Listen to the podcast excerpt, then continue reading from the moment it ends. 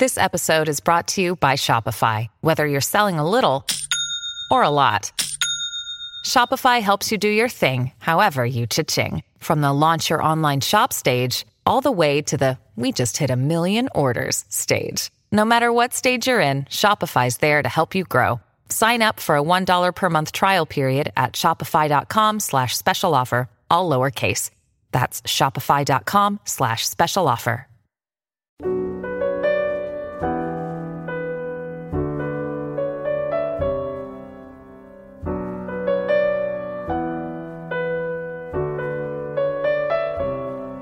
Vasistas Haftalık Almanya gündemi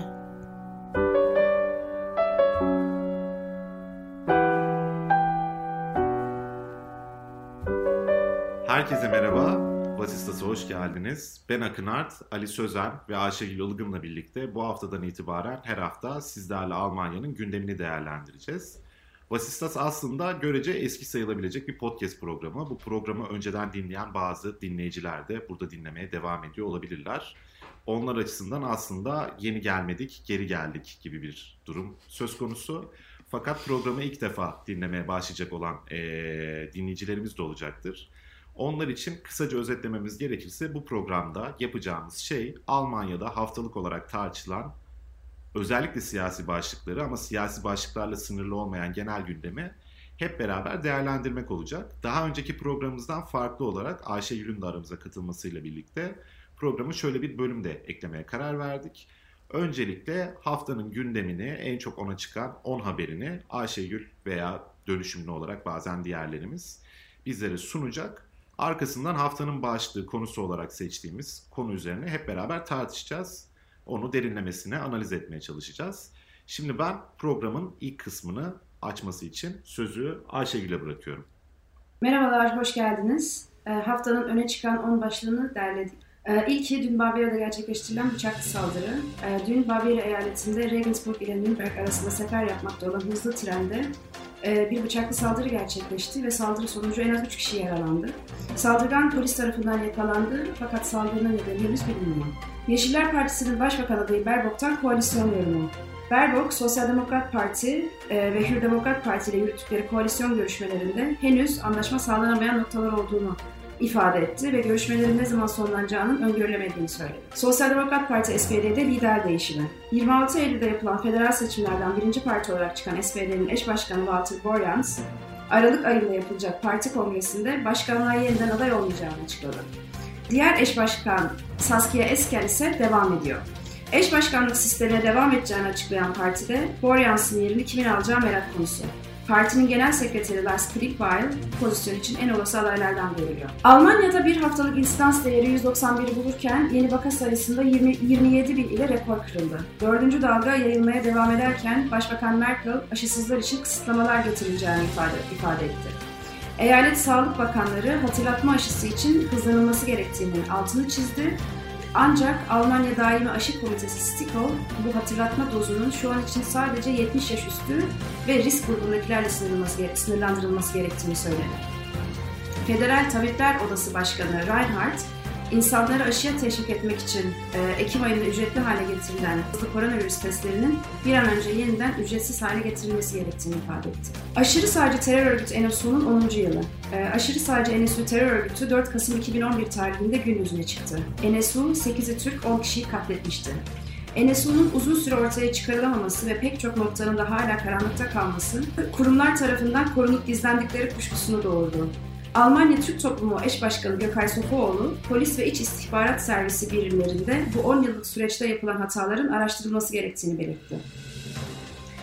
Türkiye'den Almanya'ya göçün 60. yılı. Türkiye ile Almanya arasında iş gücü anlaşması imzalı anlaşmasının imzalanmasının üzerinden tam 60 yıl geçti. İmzanın yıl dönümü Almanya'da çeşitli etkinliklerle kutlandı. Maske skandalı. Alman hükümetinin 2020 yılında İsviçreli MX şirketinden piyasa fiyatının üzerinde maske satın aldığı iddia edildi. İddiaya göre maskelerin toplam fiyatı yaklaşık 700 milyon euro civarında.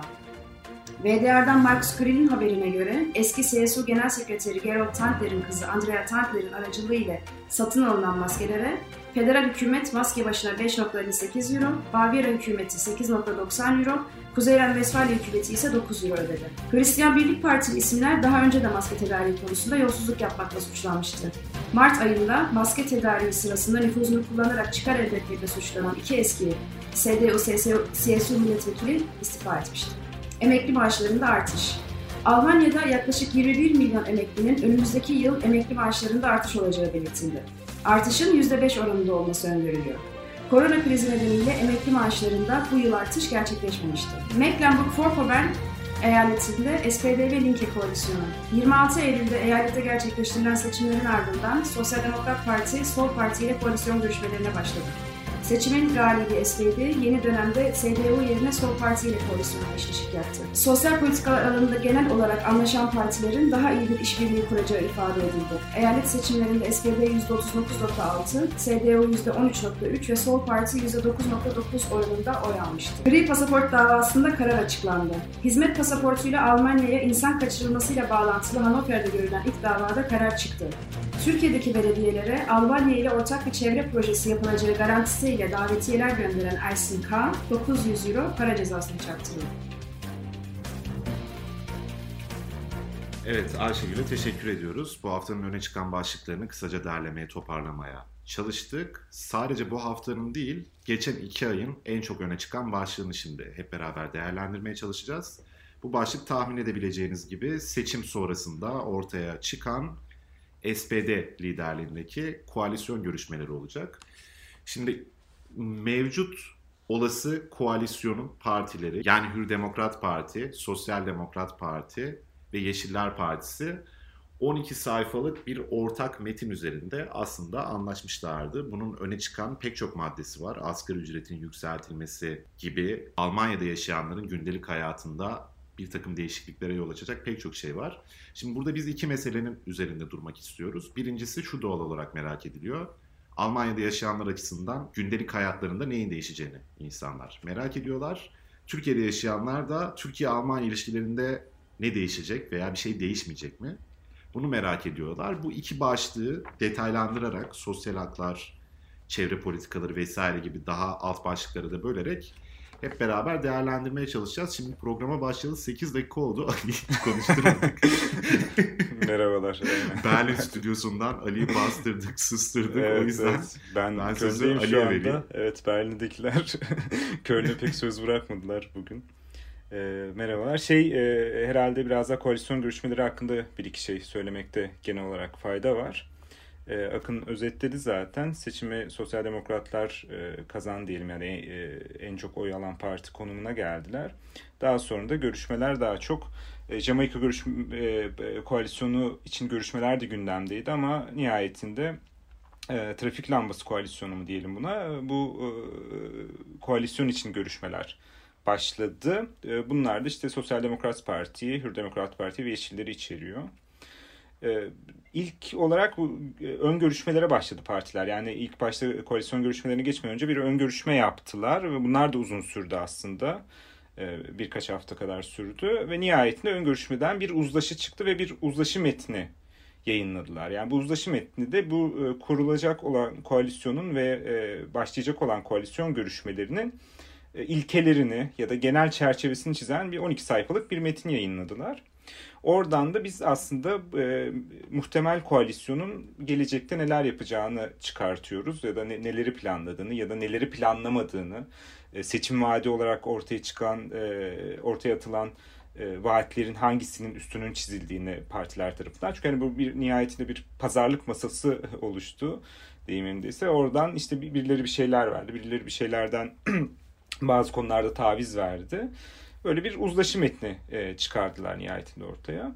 Burada tabii ben çok fazla e, e, insanları şaşırtacak da bir metin çıkmadı. Yani çok böyle radikal değişik bir e, metin de olmadı. Genelde partiler daha çok tepki e, diğer kanatlardan tepki çekmesi muhtemel vaatlerinin üzerine çizmiş oldular. Biraz daha herkesin hoşuna gidecek politikalarda e, uzlaştılar diyelim. Bunlardan biri mesela e, otobanlardaki hız limiti tartışmasıydı.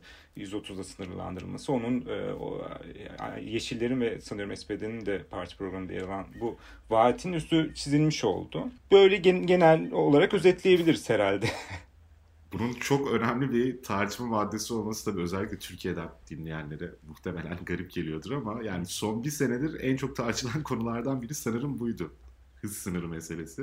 Yani, yani çevre açısından tartışılıyordu. Fakat bir yandan otomotiv endüstrisinin çok önemli olduğu bir ülke olduğu için Almanya ve şey ilginç geliyor olabilir otobanlarda hız sınırı olmaması. Evet hakikaten bazı otobanlarda hız sınırı yok mesela böyle bir uzun süren tartışma başlığımız vardı hakikaten. Burada şeyde ekle Habeck seçimden sonra bir tartışma programında şöyle söyledi. Yani e, otobanlardaki hız sınırının Almanya için bu kadar vazgeçilemez ya da toplumda bu kadar e, tartışması dahi teklif edilemez bir konumda olmasına e, e, ABD'deki silah e, ateşli silah e, sahipliğine benzetti. Yani başka ülkelerde olmayan ve oraya ait olan ve toplumun vazgeçmek istemediği bir e, konu olarak veya artık hani bu koalisyonda yapmayacaklarını da belirtti. Bu hız sınırının tabii 130 inerse bu iklim politikaları konusunda da bir şey var. Şöyle bir haber ya da bir bilgi de aktaralım. E, karbon emisyonu açısından hız sınırının %30'a indirilmesi tüm yurt içi e, hava e, hava taşımacılığının e, karbon emisyonuna eşit bir e, tasarruf e, sağlamasına sebep olacaktı yani ülkenin yani bir, böyle büyük bir etkisi var esasında yani bunun trafik güvenliğinin yanında e, iklime de büyük bir etkisi var ama bu gerçekleşmedi e, şu anda diyerek devam edebiliriz. Bu konuda yani aslında iklim politikalarının merkezinde ulaşım duruyor. Aynı zamanda ulaşım politikalarında da büyük bir dönüşüm öngörülüyor. E, trafikte dönüşüm konusu aslında e, iklim politikalarının merkezinde yer alıyor. E, arabaya bağımlılığı azaltmak için Yeşillerin gençlik kollarından da bir e, talep geldi. Koalisyon görüşmelerinden çıkmasını talep ettikleri bir sonuç vardı. E, otoban yapımlarını durdurmak, daha fazla yeni otoban yapmanın e, insanların trene yani insanları trene yönlendirmek aslında çevre olarak daha iyi uçaklardan ve arabalardansa. E, insanların arabaya bağımlılığını arttıracağı için e, otoban sayısını e, arttırmamak üzerine bir talepleri olduğunu söylediler. Yani Yeşiller şu an zaten e, çevre örgütlerinin ve e, iklim hareketi özellikle Fridays for Future hareketinin e, şu an e, yani merkezinde onların taleplerini e, yerine getirme gibi bir baskı altında aynı zamanda. E, bu trafik konusunda aynı zamanda şey de tartışılıyor. Deutsche Bahn'ın özelleştirilmesi e, konusu var. E, bu özelleştirmeye e, FDP yani Hür Demokrat Parti daha sıcak bakarken SPD ve Yeşiller daha e, tabii mesafeli duruyorlar. Ama aslında Deutsche Bahn'ın dönüşmesi, fiyatların biraz daha herkes için uygun hale getirilmesi, daha konforlu trenler yaratılması önemli. Çünkü olabildiğince insanları özellikle iç uçuşları trenlere dönüştürmek gibi bazı kararlar alınması isteniyor. E, dolayısıyla e, Deutsche Bahn'ın özelleştirilip özelleştirilmeyeceği ya da yüzde kaçının kamu, yüzde kaçının özelde kalacağı üzerine de tartışmalar dönüyor. Yani bu iklim e, odaklı politikaların merkezinde trafik daha çok kalacakmış gibi görünüyor. E, mecliste zaten Ulaştırma Komisyonu'nun başında da Cem Özdemir var. Hatta e, bir Ulaştırma Bakanlığı'nın başına Cem Özdemir'in e, getirilme ihtimali de tartışılıyor. Yani ee, en çok geçen bunlar... E, isimlerden bir tanesi yani aslında e, Cem Özdemir. Olabilir bu arada. E, abi tabii o şimdi şey konusu böyle biraz daha kimin hangi bakanlığa getireceği konusu çok çok daha tartışılacak bence. Yani önümüzdeki dönemde daha da önemli hale gelecek ve e, işte bak Cem Özdemir'in bakanlığı Ulaştırma Bakanlığı için isminin geçmesi önemli ama bir, bir, bir takım e, aslında Yeşiller içerisinden de Cem Özdemir'in bu, bu role uygun olmadığına dair e, bir takım e, eleştiriler de var. Biraz daha özellikle büyük otomobil firmalarına yakın durması sebebiyle. Ama Cem Özdemir tabii bildiğimiz gibi takip edenler hatırlayacaktır. Yani bir, bir seneyi aşkın bir zamandır tamamen kendi Ulaştırma Bakanlığı'na hazırlıyor. Yani tüm konuşmaları ya da paylaşımları bunun üzerine. Genelde konuyu buraya getiriyor ve Almanya'da en çok tartışılan bakanlıklardan biri. Mevcut bakanın yolsuzlukları vesaire dolayısıyla. ben mümkün görüyorum bu arada olabilir tabii ama dediğim gibi şey e, bu biraz e, kimin hangi bakanlığa getirileceği şeylerin daha uzun uzun tartışacağız bence onlar ki şeyler de partiler de tartışacak gibi duruyorlar. E, belki de aslında şu andaki sürecinin... aynen şeyin koalisyon görüşmelerinin bu kadar uzmasının sebebi de Evet ya aslında şunu düşünmek gerekiyor. Bir metin üzerinde anlaşıldığını söylemiştik programı açarken. Yani bir e, taslak metin üzerinde en azından belli ilkelerde anlaşıldığını söylemiştik ama tabii bir koalisyonun şekillenmesini sağlayan en önemli şey siyasal program ama tek şey siyasal program değil. Kim hangi bakanlığı alacak meselesi büyük ihtimalle çok uzun süre su kaldıracak bir konu olacak. Özellikle Şöyle Maliye Bakanlığı var. gibi yerlerde kan çıkacak büyük ihtimal. aynen aynen. Yani şimdi şey yorumları da var e, çokça. Aslında en başından beri yani konular belliydi. Ön görüşmelerin de uzun sürmesinin sebebi aslında en başından beri e, kimin hangi bakanlığı alacağı konuşuluyor. Yani hiç bu medyaya böyle yansıtılmadı tabii. Yani aslında ilkelerde konuşuyoruz falan gibi. Ama esasında işin arkasında dönen ya da o pazarlık masasında dönen hikaye en başından beri kim ne, e, hangi e, bakanlığı alacak olabilir sahiden. Burada tabii kişisel hırslar ve e, istekler de çok önemli. İşte Habek ve e, Yeşiller İş Başkanı Habek ve aynı zamanda Hür Demokrat Parti Başkanı Linler ikisi de Maliye Bakanlığı'nı istiyorlar. Çok arzulular bu konuda iki e, kişi de. E, ve bir yandan işte Berbok e, biraz e, bu partinin e, tepe adaylığı konusunda başarısız bulundu belki biraz. Çok fazla hata yaptı e, seçim sürecinde. Ama onun da bir yandan Dışişleri Bakanlığı e, e, gündemde. Böyle bunlar daha tartışılacak gibi ama bunları herhalde biz de önümüzdeki haftalarda çokça değineceğiz gibi geliyor bana. İklim politikasından başladık. Aslında biraz orada kalalım. Biraz şimdi şeyde ben de dağıtmış oldum konuyu ama biraz tabii iklim politikasında uzlaşma metninde çıkan somut bilgiler de var. Onlardan biraz bahsetmekte fayda var. Örneğin e, özellikle kömür santrallerin kapanması konusu çok e, gündemdeydi. Almanya'nın karbon emisyonu açısından önemli bir yerde duruyor bunlar. Bunların e, ne zaman kapanacağı konusunda yani her parti bunun kapanmasına e, sıcak bakıyordu diyeyim ya da parti programında yer veriyordu. Ama en erken tabii Yeşiller Partisi en erken kömür enerjisinden çıkışı öngörüyordu. Bu da yine Yeşillerin istediği gibi e, 2030'a çekildi ama şöyle bir ifade de geçiyordu. İdeal olarak 2030 yılında çıkılacağı orada böyle bir e, nasıl diyelim e, kaçış e, noktası da koyulmuş şeye kömür santralinden ya da kömür enerjisinden çıkış için Almanya'nın. Öte yandan işte rüzgar panelleri ve e, güneş enerji panelleri konusunda düzenlemeler yapılacağı vaat ediliyor. Bunlardan bir tanesi işte e, kara alanlarında rüzgar panellerinin şimdiye kadar %0.9 olan e, alanının %2'ye çıkartılması ve yani işte daha fazla ülke çapında rüzgar paneli yapılması. Aynı zamanda deniz alanlarında da rüzgar paneli inşaatının hızlandırılması var. Şey güneş enerji panellerinde özellikle çatı sistemlerinde kurulan şeylerde çok ciddi bir orada bir madde var. Orada da yeni yapılacak binalarda e, özel mülkiyette yani konut için yapılacak binalarda e, her seferinde e, güneş enerji panelini çatıya monte etmek zorunlu hale gelecek. E, yani bu şu demek işte yeni bina yapıyorsanız eğer bunu koymak istemiyorsunuz bunun için gerekçelendirerek ekstra bir başvuru yapmanız gerekecek. E, sanayi kuruluşlarında bu mecburi olacak yani istisnai e, durumlar biraz daha az olacak konut inşasına göre. Böyle iki nasıl diyeyim temel enerji konusunda atılım var. Bunlar tabii Yeşillerin ama aynı zamanda SPD'nin de vaatleri içerisinde yer alıyordu. Bunlar tabii sayılar tabii ki görüşüldü. Biraz daha Yeşillerin istediği yöne daha, daha yakın oldu ama Hür Demokrat Parti, liberaller de konuya karşı çıkmıyordu. Ya aslında bu e, uzlaşı metnine de baktığımızda e, kırmızı çizgi olarak yeşillerde bu bir buçuk küresel ısınmanın bir buçuk derecede tutulması gerektiğini görüyoruz. Yani bu hafta Berbok bir açıklama yaptı aslında bu konuda. Ve e, bütün bakanlıkların sadece bir partinin tekelinde olmasını istemedi. Bütün bakanlıkların ve bütün partilerin bunu öncelik haline getirmesini hatta bir iklim e, kontrolü metni olması gerektiğini e, söylediler. Zaten Yeşiller Partisi İklim e, Koruma Bakanlığı'nın açılmasını isteyen bir parti. Ve diğer bakanlıklardan çıkacak bütün kararların e, bu İklim Koruma Bakanlığı'nın kontrolünden geçmesi gerektiğini söylüyorlar. Bir veto etkisi vermek istiyorlar bu bakanlığa. Berbok da bu hafta yaptığı açıklamada 1,5 derecenin e, kırmızı çizgileri olduğunu söyledi ve bir yasayla iklim yasasıyla e, bütün kararların hatta ülkede fonlanacak bütün projelerinde bu yasaya bağlı olarak e, çalışması gerektiğini söyledi. Yani aslında e, iklim koruma hedeflerinin gerçekleştirilmesi bütün partilerin üzerinde anlaştığı bir mesele, önemli de bir mesele.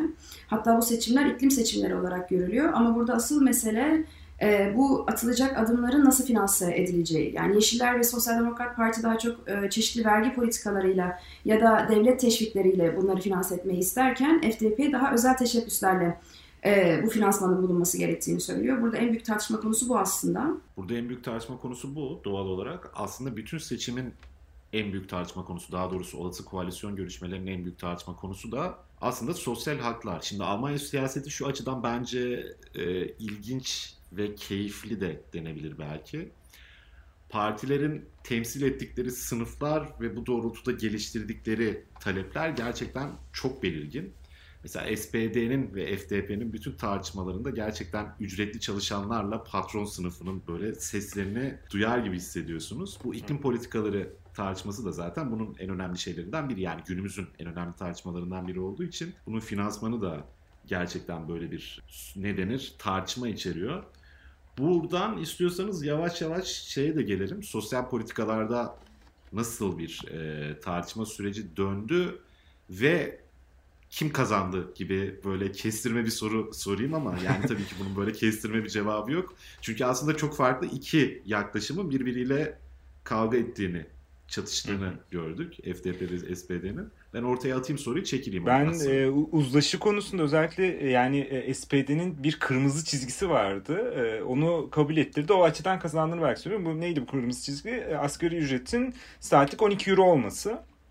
E, bunu kabul ettiler ve bunu hatta Linler de aslında e, tabii e, açıklaması gerekti ve bir açıklamasında da bunun e, işte pazarlık esnasında bir şey alıp bir şey verirken zorunlu bir hamle olduğunu FDP içinde ve dolayısıyla kabul etmek zorunda kaldıklarını biraz da ifade etti. Tabi bu doğrudan FDP'nin e, yararına bir şey değil. SPD'nin ama Olaf Scholz'un en başından beri kırmızı çizgi olarak koyduğu asgari ücretin saatlik asgari ücretin 12 euro olmasını da uzlaşma metninde görüyoruz. Şey de söylemekte fayda var. E, hali hazırda 9.60 euro. Yani e, 9.60 eurodan 12 euroya çekilmesi planlanıyor. E tabii enflasyon da şimdi bayağı var e, Almanya'da artık bu, e, bu, bu sene. E, biraz da tabii onun reel olarak erimesi de söz konusu olabilir. Onun haricinde FTP'nin kabul ettirdiği orada tabii meseleler var. Özellikle mini job ve midi job konusunda. Bu nedir mini job da? Hani biraz daha düşük aslında bir, pratikte Almanya'daki asgari ücrete ya da temel nasıl diyelim çalışma biçimine deniyor mini job. Yani biraz daha e, nasıl diyeyim sosyal e, vergilerin ödenmediği ya da işte sigortaların ödenmediği e, hali. Şu andaki hali 450 euroydu. Onu ilk etapta 520 euroya çıkartmayı sonra da haftalık 10 saatlik asgari ücrete denk getirmeye e, öner e, FTP'nin e, düşüncesi buydu. Bunu yaptılar. Bir de özellikle midi job konusunda yani mini job'tan bir sonraki ve daha düşük e, vergi veren orta e, alt orta diyelim e, e, çalışma şartlarına e, bir e, sınırı vardı onun. O da 450 Euro'dan 1300 Euro'ya kadardı. Bunu da 1600 Euro'ya yani 520 Euro ile 1600 Euro arasındaki geliri Midjobs e, kısmına getirip daha az vergilendirilmesini e, kabul ettirmiş oldu FTP. Burada FTP'nin başı bunlar biraz da e, işverenler için avantajlı durumlar. Çünkü e, çalışanlar mini job'tan mini job'a geçiş e, sırasında biraz daha tereddüt edebiliyorlardı. Daha fazla vergilendirilecekleri için vesaire böyle biraz daha işverenleri koruyan bir hamle olduğunu söyleyelim bunun. Onun haricinde işte SPD'nin yine e, kabul ettirdiği asgari emekliliğin e, ortalama gelirinin %48'ine e, olarak sabitlenmesinin devam ettirilmesi var. Ya da ne diyeyim e, FTP'nin hızlı emeklilik ya da daha esnek emeklilik diyorlar onlar da böyle biraz daha hani hızlı emekliliğe denk gelebilecek şeyleri önermişti. Onun e, emeklilik için öne çekilmesi ya da 67'den sonraya atılmasının söz konusu olmadığına dair bir cümle geçti. Burada bir yine orta yol e, bulunmuş diyelim. Hartzfia diye bildiğimiz aslında işsizlik işsizlik maaşı diyelim düzenlenmiş oldu. E, işsizlik yardım diyelim ya da daha doğrusu. E, bu e, biraz daha tekrardan ya ismini değiştirecek. Tabii bu Hartsfia konusunda ya da e, işsizlik yardım konusunda sürekli Almanya'daki tartışma e, hep isminin ya da şeyin değiştirildiği biçimini belki biraz değiştirildi ama özün hep aynı kaldığı konusunda ama nihayetinde bu değiştirilerek yurttaş maaşı na çevrilecek ve o halde devam ettirilecek. E, işte SPD ve Yeşillerin istediği servet vergisi sen de bahsettin Ayşegül o gelmeyecek. O tabii önemli FTP için önemli bir kazanım. Yani böyle bir e, FTP'nin nasıl diyeyim daha çok sanki e, benim baktığım yerden kazanım elde etti ama nihayetinde de bir dengenin bulunduğu e, bir nasıl diyeyim sosyal paket var gibi görüyorum ben. Demokrasi şöleni. Demokrasi şöleni var. Ya bana aslında pek öyle gelmiyor. Bana biraz FTP masaya yumruğunu vurmuş gibi geliyor. Özellikle çünkü bu, bu e, zenginlerden alınacak yani yüksek gelir grubuna ait insanlardan e, alınacak gelir vergisi ve artı servet vergisi e, SPD ve Yeşillerin e, ana şeyini oluşturuyordu. Yani bütün politikaları finanse edebilecekleri ana iskeleti oluşturuyordu. Fakat şu an FTP buradan e, kazançlı çıktı gibi görünüyor. E, yani bir noktada e, bir noktada e, bu şeylerde yani FTP'nin kırmızı çizgisi olan e, vergi arttırımı ve bu e, borç primi dediğimiz noktalar ikisinde de FTP şu an karlı çıkmış görünüyor. Borç primi denilen noktada yani e, yıllık GDP'nin yıllık e, gayri safi milli hasılanın %0.35'inden daha yüksek olmaması gerektiği borcun e, korona krizinde biraz aşıldı tabii e, bu kural. Ama Lilna e, bunun e, yani bu açığın enflasyon tehlikesi doğurabileceğini söylüyor. Kesinlikle borç birinin tekrar yeniden getirilmesi gerektiğini söylüyor. E, dolayısıyla e, yani baktığımızda vergi konularında, finansal konularda biraz FTP e, ağırlığını koymuş gibi görünüyor. E, bu kadar ağırlığını koyduysa Maliye Bakanlığı da ona verilecek gibi bir e, bilmiyorum öngörüm var benim ama aynı zamanda şey de düşünülüyor tabii. Yani FDP şu an ki bu olası koalisyonun en küçük partisi ve Maliye Bakanlığı da Almanya'nın ikinci en önemli pozisyonu başbakanlıktan sonra. E, dolayısıyla neden bu kadar önemli bir pozisyon üçüncü partiye verilecek? Bu da tartışma konusu şu anda. E, ama Spiegel'in bir anketi vardı bu hafta. E, Maliye Bakanı olarak görmek istedikleri isim insanlar, katılımcıların çoğu Lindner'i söylemişler. E, yani aslında istek de o yönde. Ben burada bir araya giriyorum. Birincisi arşiv unutmaz Ayşegül'cüm. Bunu buraya yazdık. Lindner'ın Maliye Bakanı olacağı meselesini. Hadi bakalım. Ama yok ben, ben, ben de çok muhtemel görüyorum bu arada ya. yok yok şaka yapıyorum ya. Ben evet yani şey zaten başından beri tartışılan olası senaryolardan bir tanesi buydu. Şunun da altını çizmek gerekiyor. Ayşegül de bahsetti zaten. FDP aslında üçüncü parti bu koalisyonda. En düşük oy oranına sahip parti. Fakat öyle bir kilit pozisyonda kalmış vaziyette ki herhangi bir koalisyonun hem Yeşillerin hem FDP'nin onayı olmadan kurulamayacak olması Sol Parti'nin bu anlamda güç kaybetmesi çok büyük bir fayda sağladı onlara. Onlara da aslında sahip olduklarından daha büyük iktidar verdi. E, bu oy oranlarının dışında bir dikkat çeken mesele de FDP'nin özellikle genç kesimlerden aldığı çok büyük destek. Koalisyonun dikkat çeken maddelerinden bir tanesi de o yüzden hem Yeşillerin hem de FDP'nin muhtemelen oldukça hoşuna gidecek bir mesele olan seçim keyifli, yaşının keyifli bir... evet 16'ya düşürülmesi. Ha pardon ben de şeye geleceksin zannettim pardon. Ha öbür o kadar da, keyifli evet, değil. Ona da tamam. geleceğim şimdi. bir diğer mesele de aslında bu Batı dünyasında diyelim çok uzun süredir tartışılan, belli yerlerde uygulaması da olan Esrar. esrarın yasallaşması. Esrar diyoruz değil mi? Esrar değil mi? Kanabis yani. Esrar herhalde Türkçemiz öyle yapar. Esrarın yasallaşması meselesi. Bununla ilgili de bir takım gelişmeler oldu ve şimdi Hollanda'dan farklı olarak Almanya Avrupa'nın hem nüfus hem ekonomi yani pek çok alanda en büyük ülkesi olduğu için burada bunun yasallaşmasının da gerçekten hani totalde bu meselenin yasallaşması konusunda önemli bir e, adım olarak sayılabileceğini düşünüyorum ben. Buradaki gelişmeleri de konuşalım. Sonra kısaca bir dış politikaya girip ufak ufak programı çok uzatmadan istiyorsanız tamamını erdiririz. Orada da yani aslında görüşler üç parti de es- esrarın yasallaşması konusunu istiyor diyelim.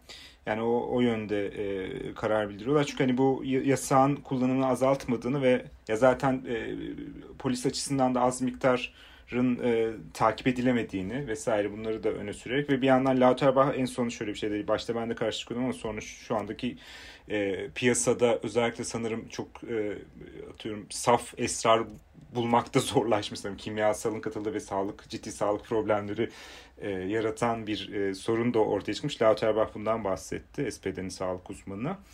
E, ama orada tabii şeyle nasıl yapılacağı konusunda bir iki e, farklı görüş var. E, işte Yeşiller ve e, FDP biraz daha işte ruhsatlı özel işletmelerin hani bu konuya e, tas yani e, yönelen özel işletmelerin e, bu, bu satışı gerçekleştirmesi fikrinde.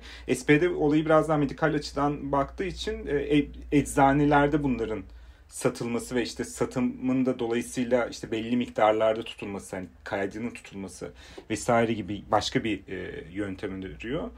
E, ama bir yandan e, yani artık hani yapılacağı konusunda kendi aralarından uzlaşmışlar ama bu işin de çok da bir önceliği yok. Hemen bu işi de yapmayabilirler. Biraz da toplumsal e, çıktısı çok istedikleri gibi ilk iş olarak İsrail'i sallaştırdık tabii biraz e, iyi bir e, izlenim olmayabilir e, muhafazakar kesimde özellikle Almanya'da. E, bir, bir yandan da polis sendikaları e, iki tane iki büyük polis sendikası Almanya'daki e, şeye bu fikre bu plana karşı çıktıklarını açıkladılar. Çünkü bunun e, bir e, başlangıç yani bilindik o söylemleri kullanıcı işte başlangıç uyuşturucusu oldu ve ileri seviye uyuşturuculara geçiş e, sebebiyle böyle nasıl diyeyim tehlikesiz göstermenin aslında tehlikeli bir toplumsal soruna yol açabileceğini söylediler. Böyle bakalım yani önümüzdeki günlerde çok ani bir gelişme beklemiyorum. Ben de koalisyon içerisinde belki önümüzdeki yıllarda bu iş yapılacak gibi bekliyorum. Bununla birlikte iki gündem daha var aslında dikkat çeken ve Türkiye'de de Almanya'da da Türkiye'li toplam açısından diyelim merak edilen süre sınırımızı biraz aşma eşiğinde olduğumuz için şimdi sizlere iki soru soracağım. ikinize de. ikinizden de bu konuda kısa cevaplar rica edeceğim. Birincisi çifte vatandaşlık meselesi nedir, olacak mı ve nasıl bir e, durumda olacak? diye bir ortaya atmış olayım. Önce Ayşegül'e vereyim sözü. Üç partide çifte vatandaşlığa e, soğuk bakmıyor, mesafeli durmuyor. Aslında üç partide desteklediği bir e, uygulama çifte vatandaşlık. Yani şu an Almanya'da, e, AB dışındaki ülkelerde Almanya vatandaşlığını tercih ettiği e, edildiği noktada e, kendi geldikleri ülkenin vatandaşlığından vazgeçmek durumunda kalmak gibi bir uygulama var. Hatta çifte vatandaşlık uygulamasının getirilmesinin en çok Türkiye kökenleri etkileyeceği de konuşuluyor. De şöyle bir durum da söz konusu. Yani FDP'nin de Yeşillerin de seçmeni genç seçmen. E, ama Almanya'nın seçmeni yani Almanya seçmenlerinin yüzde 60'ı e, 50 yaş üstü. Dolayısıyla bu genç partilerin daha çok e, genç nüfusa sahip olmalı. Yani bir genç nüfus seçmenine hitap etmeleri bekleniyor. Bu çifte vatandaşlık uygulamasından dolayı Alman vatandaşlığına geçmekten tereddüt eden, Alman vatandaşlığını reddeden de e, bir göçmen kitlesi mevcut. Dolayısıyla o göçmen kitleyi de e, özellikle genç kitleyi de siyasete yani o seçimlere dahil edebilme çabası da barındırıyor içinde diye düşünüyorum. Teşekkür ederiz. Ali senin kısaca yorumun var yani, mı? Sence e, gelir, gelir mi şeyde, geçer mi? Uzlaşı metninde işte modern yeni bir vatandaşlık yasası bunda işte çok uyrukluluğu da öngörüyor e, Ayşegül'ün de bahsettiği gibi. E, bunun yanında vatandaşlık süresinin kısalması var. İşte buraya yeni gelen göçmenler için haberler biraz o yönde. Hem süresiz oturumun kısa, süresinin kısalması yani süresiz oturum elde etme süresinin kısalması hem de vatandaşlık hakkı kazanmanın süresinin kısalması. Şu anda bu 8 sene e, Yeşiller 5 yıla e, FDP'de 4 yıla indirilmesini e, öngörüyordu. Şu anda kesin bir yıl sayısı e, şeyde metinde olmuş değil ama e, bir şekilde anılmış değil ama bir şekilde e, bu kısalacak 8 seneden aşağı düşecek gibi gözüküyor e, vatandaşlık hakkı kazanmanın. E, Bakalım yani bu yani. nitelikli yeniden yeni bir göç yasası da yapacaklar. Yine buraya işte e, şeyin e, bahsettikleri bir puan sistemi var. İkinci bir sütun olarak göç şeyine ikinci bir sütun, sütun olarak bir e, puan sistemi işte atıyorum. Üniversite mezunu olanların işte belli puan elde ettikleri, dil bilenlerin belli puan elde ettikleri ve bir şekilde oturum hakkı ve çalışma hakkı e, aldıkları e, bir göçmen yeni bir göç göç yasası e, çıkartacaklar gibi. Yani bunlar Tabii Türkiye'den e, gelen insanlar için e, olumlu e, haberler. Yani göçmenler için olumlu gelişmeler olacak herhalde önümüzdeki dönemlerde diye bekleyebiliriz. E, bu aslında şu konuya da bağlanıyor burada. E, özellikle FDP nitelikli iş gücünün e, Almanya'ya gelmesini destekliyor. Demin de konuştuğumuz gibi e, yani Almanya'da şöyle bir sıkıntı var. E, yaşlı nüfus arttıkça genç nüfus ve çalışan nüfus sayısı az. E, nitelikli iş gücünün buraya gelmesi de aynı zamanda e, piyasaya girecek olan e, genç çalışanların sayısını arttırmak ve o emeklilik primlerini ödenemeyen emeklilik primlerine de bir noktada kaynak sağlamak. E, çünkü şu anki haliyle emeklilik yaşının arttırılmadığı göz önünde bulundurulursa e, çalışan kesimin emeklilik primlerini finanse etme gibi bir sıkıntısı var. O yüzden nitelikli iş gücünün öyle bir katkısı da olacak. Şimdi ikinci soruma tekrar sorayım. e, çünkü bu aslında özellikle Türkiye basınında seçimlerden sonra doğal olarak işte daha sol hükümet denemez bunu ama işte sol olarak bilinen SPD'nin öncülük ettiği birinci parti olduğu bir koalisyon geliyor. Dolayısıyla Erdoğan Almanya ilişkileri, Türkiye Almanya ilişkileri biraz daha gerilime girecek. Almanya daha sert bir tavır izleyecek. Zaten içinde yeşiller de var gibi bir yaklaşım da vardı. Tersinden hiçbir şey değişmez diyen bir yaklaşım da vardı. Önce Ali'ye sorayım bir şeyler değişir mi diye. Sonra Ayşegül'e sorayım. Bence e, ben öyle e, ciddi bir paradigma değişimi beklemiyorum Almanya dış politikasında. Çok da anılmadı zaten. Muhtemelen benzer şekilde devam edecek ama uzlaşı metninde benim dikkatimi çeken vurgular var. Onlardan biraz bahsedeyim. E, ilk başta uzlaşı metninde dış politika konusunda Avrupa Birliği'nin güçlendirilmesi bir hedef olarak yer alıyor. Ve demokratikleştirilmesi. Buradan da bir Macaristan ve Polonya gibi biraz daha demokratik çizgiden uzaklaşan ülkelere bir gönderme var. Bir ikincisi tutarlı dış, dış politikası vurgusu var. Bu da şunu getiriyor. Bu biraz Türkiye ilgilendirilecek bir konu. Demokratik ülkelerle yakın bir çalışma, otoriter ülkelerle sistem rekabeti gibisinden bir şey. Bu da Türkiye buradaki otoriter ülkeler kısmına giriyor. Orada bir sistem rekabeti. Yani ilk etapta tercih edilecek beraber çalışmak için ülkeler değil ama bir e, nasıl diyeyim e, bir e, tamamen uzaklaşma da olmayacak. Çünkü Almanya muhtemelen Çin'le, Rusya'yla, Türkiye'yle ticaret yapmaya devam edecek. Çünkü uluslararası ticaretten e, ki yerinden kendini konumlayan bir ülke bir yandan da dış politikasını buna göre e, şey yapıyor. Bir, e, Türkiye direkt olarak ilgilendiren bir vurgu var. Bu da düzensiz göçe karşı üçüncü ülkelerle anlaşmaların yapılması ve devam ettirilmesi. Bunun en e, Almanya açısından en başarılı işleyen e, örneği Türkiye ile yapılan anlaşma ve uzun yıllardır bu e, götürülüyor ve bu, bu bunun devam ettirilmesi ve bunun e, sayısının artırılması vurgusu metinde. Bu biraz da Türkiye ile ortak çalışmanın devam edeceğini